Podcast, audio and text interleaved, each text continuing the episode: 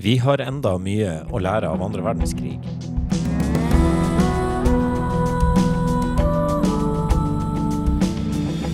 Hei og velkommen til Lørdagsuniversitetet Mini, en podkast av UiT, Norges arktiske universitet. Stian Bones er professor i historie ved Institutt for arkeologi, historie, religionsvitenskap og teologi. Han mener vi fremdeles har mye å lære fra andre verdenskrig, samtidig som også fortida er i utvikling. I dette foredraget skal du få høre hvordan vi bruker fortida til å forstå samtida.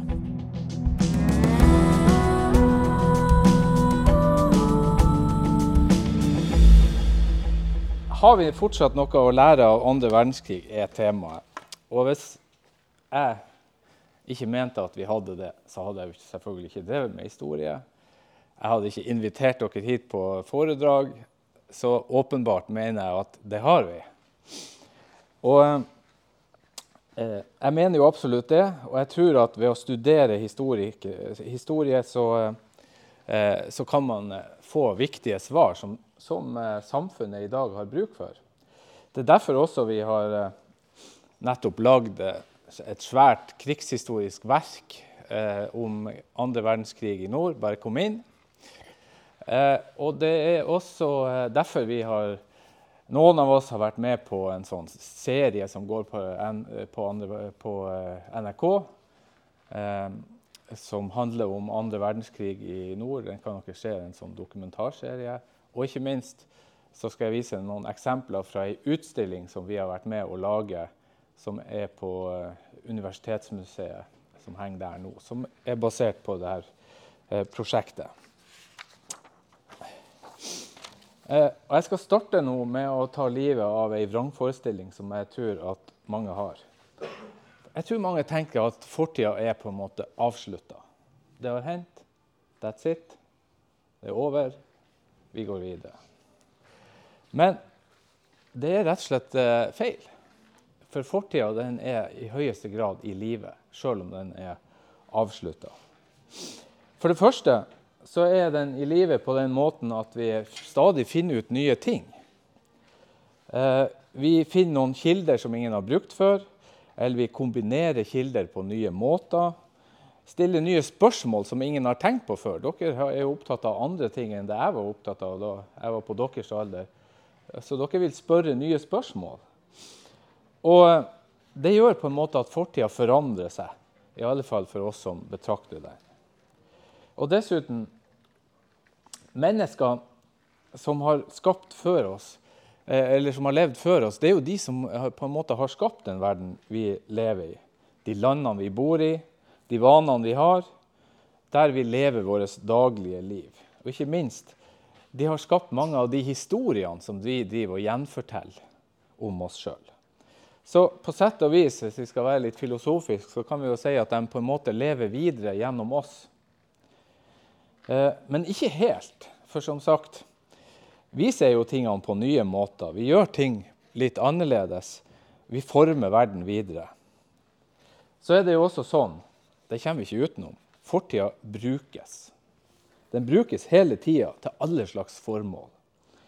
I Russland så bruker president eh, Vladimir Putin fortida, historien, til å legitimere en grusom og folkerettsstridig krig mot Ukraina. Han viser til eh, verdenskrig, eller den store fedrelandskrigen, som det kalles i Russland. Og eh, han har hevda at Russland er nødt til å gripe inn militært overfor Ukraina for å avnazifisere, som han sier, den ukrainske statsledelsen som ønsker å undertrykke folket i Ukraina. Eh, dessuten, sier Putin, så har andre verdenskrig vist erfaringen fra den at Russland seira da og vil seire igjen. Og hjemme hos dere, for å bevege oss ned på et annet plan, så er jeg helt sikker på at dere bruker historien eh, i forhandlinger med foreldrene, og har i alle fall gjort det. F.eks. Eh, i spørsmålet om eh, utetid. Ja, men jeg fikk jo lov til å Hvorfor kan jeg ikke få lov til å Vi bruker det hele tida. Eh, når vi bruker fortida, enten det er i debatt med foreldre eller det er i debatt med statsledere, så må vi bruke den med empati og med respekt. Vi skal ikke legge meninger over på andre som de ikke har uh, hatt. Og vi bør også være kritiske og sannhetssøkende og ta inn over oss fakta. For det gjør jo ikke Putin. Det er ting som skiller, uh, skiller han fra vanlige måter å bruke historien på hos oss. Vi er opptatt av ikke å misbruke den. Og så er det jo det her poenget med at fortida lever i, i deg. Du kan på en måte ikke slippe unna. Eh, fordi at du er menneske, så er du dømt til å tenke historisk. Eh, når du spør deg sjøl om hvem du er, og hva du vil, så spør du på en måte også spørsmålet om hvor du kommer fra. Eh, du aktiviserer hele tida fortida for deg sjøl eller på vegne av den gruppa du, du eh, representerer. Sånn er det. Det er ikke alltid man tenker så nøye over, over det, men sånn er det. Over til eh, krigen. Den er selvfølgelig heller ikke et avslutta kapittel, selv om den tok slutt for nesten 80 år siden. For den brukes også Eh, på mange ulike måter. For oss som jobber her på universitetet, så er det jo selvfølgelig viktig å bruke den vitenskapelig. Vi ønsker å finne ut nye ting og eh, komme stadig videre i, i kunnskapsutviklinga. Eh, et eksempel på det er jo at da vi starta med å jobbe med dette historieverket for noen år siden, så visste vi ikke helt hvor mange tyske soldater det var, verken i Norge eller i Nord-Norge. Sånn, sånn cirka, men ikke helt. Eh, nå vet vi at høsten 1943, da antallet tyske soldater i Norge var på det høyeste, eh, så var, eh, og da var det ca. 350 000 soldater i Norge, så var 150 000 av dem stasjonert i Nord-Norge. Landsdelen hadde da 12% av befolkninga, men mer enn 40% av alle tyske soldater. Da skjønner man at eh, trøkket fra, fra, soldatene på sivilbefolkninga var ekstremt høyt i nord. Like usikkert så var det med en masse andre tema som vi visste altfor lite om. F.eks.: Hvor mange var egentlig medlemmer i nazipartiet NS? Eh, hva kjennetegna det? Eh, hvor mange, antall, eh, hvor mange, barn ble det født med tysk far og norsk mor? De såkalte tyskerbarna. Hvordan var det nå egentlig med den militære motstanden i, i nord? Hva vet vi egentlig om den? Eh, holocaust osv. Eh, nå vet vi jo mer om det. og det, det, er et eksempel på hvordan vi som historikere eh, jobber faglig med det. Vi klarer å finne nye sammenhenger, finne nye kilder eller stille nye spørsmål. Forhåpentligvis så gjør vi det. Og Her er f.eks. noe vi har funnet ut i noe nylig. Det er hvor mange eh, eh, det, tyskerbarn det var i, i, registrert i Nord-Norge. Tidligere så regna man med at, eh, at de 150 som var i, registrert i Sør-Varanger, Kirkenes, var veldig høyt. Altså, det var, det var spesielt mange der. Men eh, nå må vi jo revidere det litt, for nå vet vi jo at i Tromsø var det jo enda flere. Eh, F.eks. Og vi ser at eh, i, i eh, Salten-området, der det var masse tyske soldater, altså i nærheten av Bodø, var det også veldig mange barn med tysk far og norsk mor. Eh, så eksempler på ting vi, vi nå vet mer om. Eh, ja, så er veldig mange eh, interessert i andre verdenskrig. Ikke bare for å finne nye fakta, nye sammenhenger, stille nye spørsmål, men også fordi at andre verdenskrig utvider våre perspektiver. Eh, og det handler litt om å forstå eh, oss sjøl som mennesker, på en måte. Eh, vi lærer ved å ta inn over oss det som andre mennesker har vært nødt til å oppleve. Det er på en måte det som eh, ja, Ordet empati kan kanskje dekke det. Eh, som medmennesker og som medborgere så må vi forsøke å sette oss inn i situasjonen til andre mennesker. Og Selv om vi ikke da sjøl har erfaringer fra andre verdenskrig, så bruker vi historien til å lage ei sånn kobling. Til å forstå, få perspektiv om andre mennesker sine livsvilkår. Hvordan de har hatt det. Eh, tilbake i denne tidsperioden så var det jo besteforeldre, eller kanskje til og med oldeforeldre, som egentlig opplevde det som skjedde. Men allikevel så framstår eh, de, det de opplevde, deres erfaringer, som relevant for oss. Eh, eh, og det fordi at, delvis fordi at det er mange av forfedrene, rett og slett. Men også fordi at det hendte her, i Tromsø, i Finnmark eller andre plasser i landet. F.eks. opplevde den jenta vi ser til høyre her, Petra Henningsen, hun opplevde å bli tvangsevakuert eh, høsten 1944. Hun ble tvungen til å eh, flytte fra det de eide og hadde, eh, for å bli stua om bord på et tysk troppetransportskip som het Karl Arp sammen med bestemora. Og det eneste hun eide og hadde med seg, eh, det fikk hun stua i en eh, koffert og en skolesekk. That's it. Hun eh, opplevde forferdelige ting om bord på det her frakteskipet Karl Arp, som gikk fra Finnmarkskysten og ned til Narvik. Eh, det var mer enn 20 mennesker som døde om bord på den farta nedover fra fra, ifra Billefjord til Narvik. Men veldig mange andre ble også syke. Det at 50 000 mennesker i Finnmark og Nord-Troms ble tvangsevakuert vest og sørover, det skyldes delvis at denne mannen, rikskommissær Josef Terboven, han var den øverste tyske lederen i Norge under krigen. At han bestemte det. Det vil si, tyske militære uh, var enige om at de fleste burde tvangsevakueres sørover i landet. Og mye av hus og veier og sånt skulle ødelegges. Men Terboven han insisterte på at alt skulle brennes.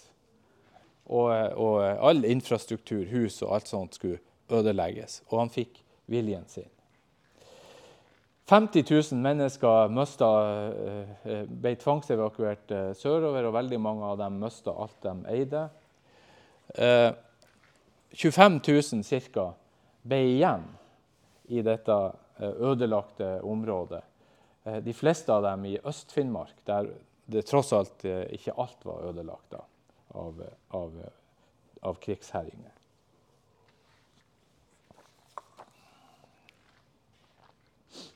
Dette, jo, dette gir perspektiver eh, til oss.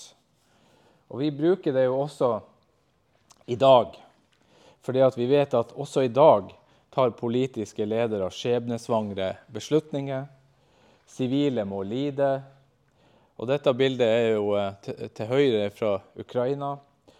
Der er åtte millioner mennesker på flukt fra sine, eller, eh, måtte forlate sine hjem eller er på, på flukt. No, del, mange av dem har måttet rømt ut av landet.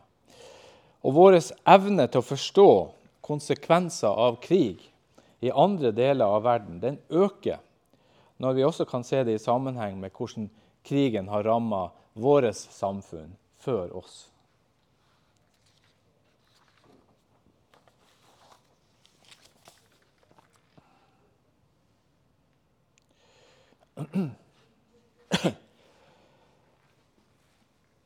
Her ser vi et bilde fra 1948. 1. mai 1948. Her på plakaten står det 'Mot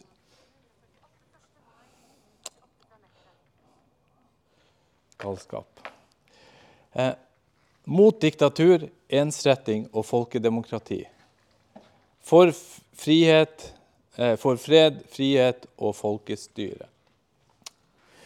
Eh, den 1. mai 1948 så er det jo gått eh, tre år siden andre verdenskrig tok slutt. Da var den kalde krigen under oppseiling. Et, et nytt spenningsforhold mellom øst og vest. Eh, og på bildet ser vi eh, eh, daværende fiskeriminister Reidar Karlsen som holdt tale i Hammerfest. Og jeg tar det med fordi at det siste bindet i det bokverket som vi nettopp har produsert, det har jeg kalt for 'Kampen om frihet'. eh, og det er en grunn til det. Og det er at eh, mennesker som hadde opplevd krigen, de visste hva terrorvelde, eh, hva frihet betyr, eh, hvor viktig det er, og rettsstat og trygghet. Det er rett og slett viktig og eh, se hvordan et samfunn kan se ut som bygger på eh, tilfeldig maktutøvelse fra en eh, eneveldig hersker eller en farlig ideologi. Det ser vi i andre land i dag, og det har funnet sted på norsk jord. Denne typen historisk kunnskap, måten å bruke historie på på denne måten, det er for å forstå hva slags verdier og interesser vi synes er bra, og hva slags interesser og verdier vi ønsker å bekjempe. Eh, jeg skal et, eh, gå litt inn på noen eksempler her. I Norge har de fleste som levde under krigen, blitt ansett for å på sett og vis være patrioter. Som støtta opp under norsk motstand mot tyskerne. Som regel passivt, ikke veldig aktivt. Men det var stort sett patriotisk. Og djupest sett har mange sagt var det det krigen handla om. Å vise motstand og ha de rette holdningene. Jeg tror jo det er ganske mye i det.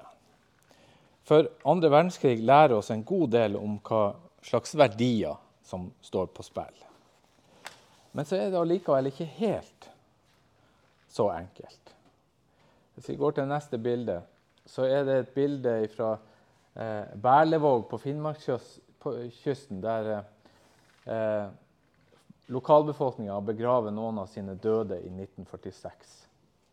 Her var sju eh, motstandsmenn som ble slått i hjel av tyske soldater i, i, i, 1943. Og de var fra Berlevåg og områdene rundt, en del av dem. For etter krigen så ser vi jo at det er jo en del patrioter, motstandsfolk, som, jobb, som var i virksomhet under krigen, men som ikke fikk heder og verdighet etter krigen. De fikk ikke anerkjennelse. En del av dem var f.eks. kommunister, eller de var partisaner. Noen av dem var jo også kommunister, f.eks. Og partisaner det er jo en betegnelse på de, som, de, de norske som jobba for sovjetisk etterretning under krigen, og uh, i nord. Og eh, da den kalde krigen brøt ut, så var ikke Sovjetunionen lenger en alliert med Norge, sånn som det hadde vært under andre verdenskrig, men en motstander. Og da ble disse folkene, som jo hadde gjort motstand under krigen, utsatt for mistenksomhet.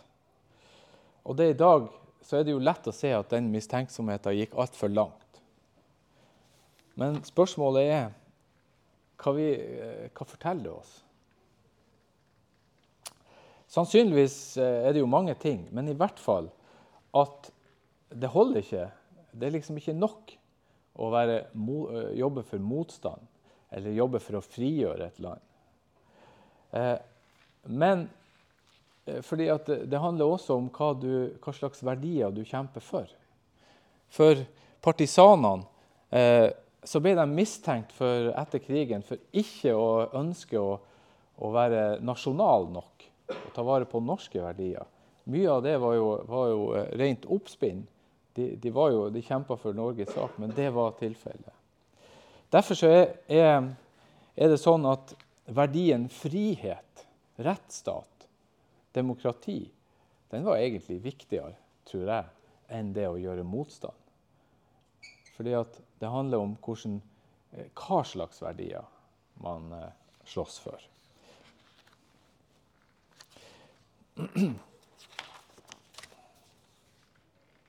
Krigen er et veldig godt eksempel på, eller en, en mulighet til å få kunnskap om akkurat sånne ting. Så har vi jo det her eh, bildet av eh, Som kanskje noen av dere har sett. Eh, det er av ei som heter Ruth Sakolsky. Eh, og hun tilhørte det jødiske miljøet i Tromsø. For når det gjelder kampen mellom ideologier og hva slags verdier og interesser som står på spill i samfunnet, så er det klart at andre verdenskrig er nødt til å få en sentral plass pga. nazismen, pga. rasismen og at krigen var en rasekrig. Også i Norge ble eh, jødene forsøkt utrydda. Og Ruth Sakolsky ble det yngste offeret i Tromsø. Hun ble drept i Auschwitz i den 3. Eh, mars eh, i 1943. Eh, hun var bare to og et halvt år gammel da det skjedde. Så er det også viktig å huske på at rasekrigen i Norge ble ført ikke bare mot det jødiske miljøet, mot jødene, men også mot andre folk. Og ikke minst også mot fanger som tyskerne tok rundt omkring i Europa, førte hit og utrydda på norsk jord. Eh, sovjetiske krigsfanger var i sånn gruppe. Eh, enkelte av de leirene var, var utrolig brutale. Og ikke minst de jugoslaviske fangene. Eh, de ble til å begynne med sendt til Norge rett og slett for å gå til grunne. eh, den eh, utstillinga som vi har på Tromsø museum, på Universitetsmuseet, forteller bl.a. historien om Ruth Sakolsky.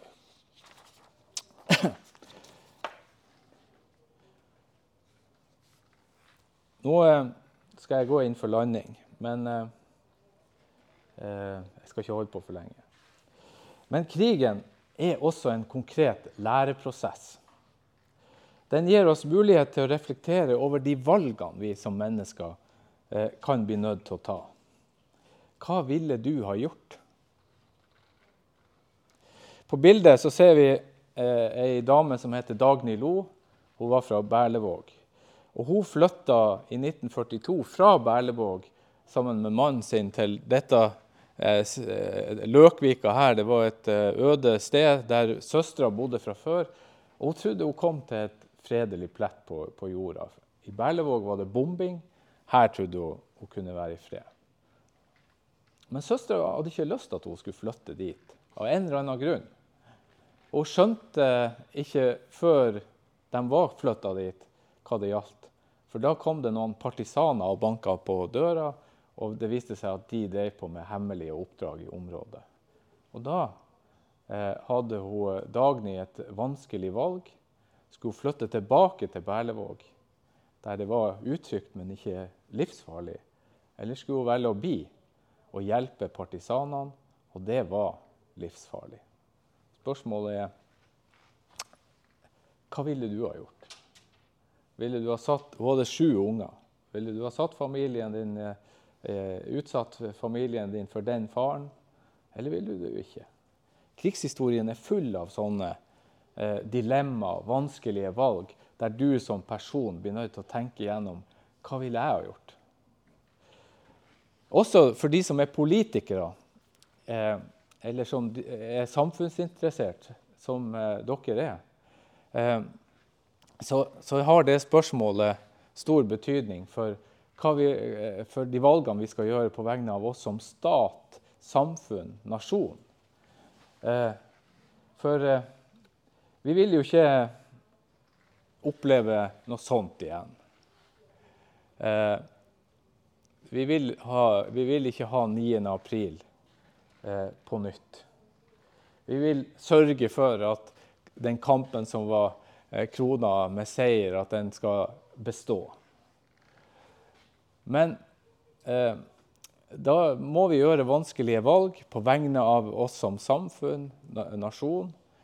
Eh, på et politisk overordna nivå også. Og andre verdenskrig er et kjempestort reservoar av eksempler på hvordan man kan tenke om stormaktsforhold og, og internasjonale spørsmål. Hvilken betydning det har for Norge.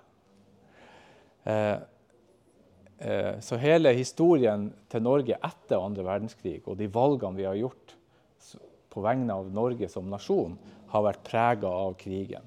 Og Skal man forstå noe om det, og om hvordan stormakter forholder seg til Norge, så er det viktig å ha kunnskap om andre verdenskrig. Ja, da tror jeg at uh, tida er der, og at vi stopper. Og at jeg har klart å formidle om at uh, andre verdenskrig betyr noe, sjøl om den er avslutta for 80 år siden.